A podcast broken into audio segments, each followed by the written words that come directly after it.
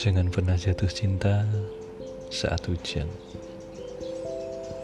Karena ketika besok lusa kamu patah hati, setiap kali hujan turun, kamu akan terkenang dengan kejadian yang menyakitkan itu. Saat orang lain bahagia menatap hujan, kamu justru nelangsa, sedih sedih melihat keluar jendela.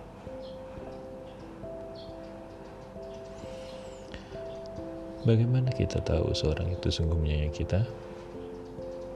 Hmm, bukan dengan mendengar apa yang dia ucapkan, apalagi yang dia tuliskan, melainkan dari apa yang dia lakukan untuk kita. Dan itu teruji dalam jangka waktu panjang. Bertahun-tahun tiada bosan tiada berkurang. Hukum kekekalan perasaan itu ada dua yang pertama perasaan itu tidak bisa diciptakan atau dimusnahkan lalu yang kedua hanya bisa berubah dari satu bentuk ke bentuk yang lain. Jika perasaan kita benci, ubahlah jadi memaafkan. Jika kita rindu, ubahlah jadi sabar. Jika perasaan kita sakit, sesak, ubahlah jadi peduli dan penyayang. Demikian adanya. Tidak ada yang bisa menyakiti kita sepanjang kita tidak mengizinkannya. Mau cungkir balik orang-orang melakukannya, tapi kita ya merasa baik-baik saja, santai. Maka kita akan ya, tetap baik-baik saja.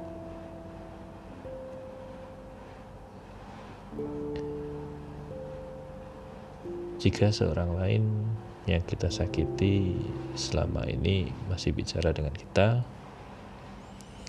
membantu memperlakukan kita dengan baik bukan berarti itu tanda cinta atau sayang. It simply menjelaskan betapa bedanya level kita dengan orang tersebut. Orang itu berada dalam posisi terbaiknya sedangkan kita kita adalah orang jahat yang tidak tahu malunya.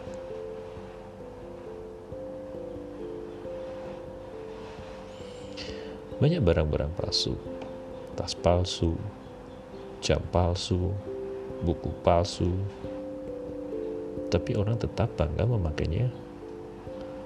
Pun sama dengan orang, banyak yang palsu, fake, penuh kepalsuan, tapi orang-orang tetap saja memujinya. you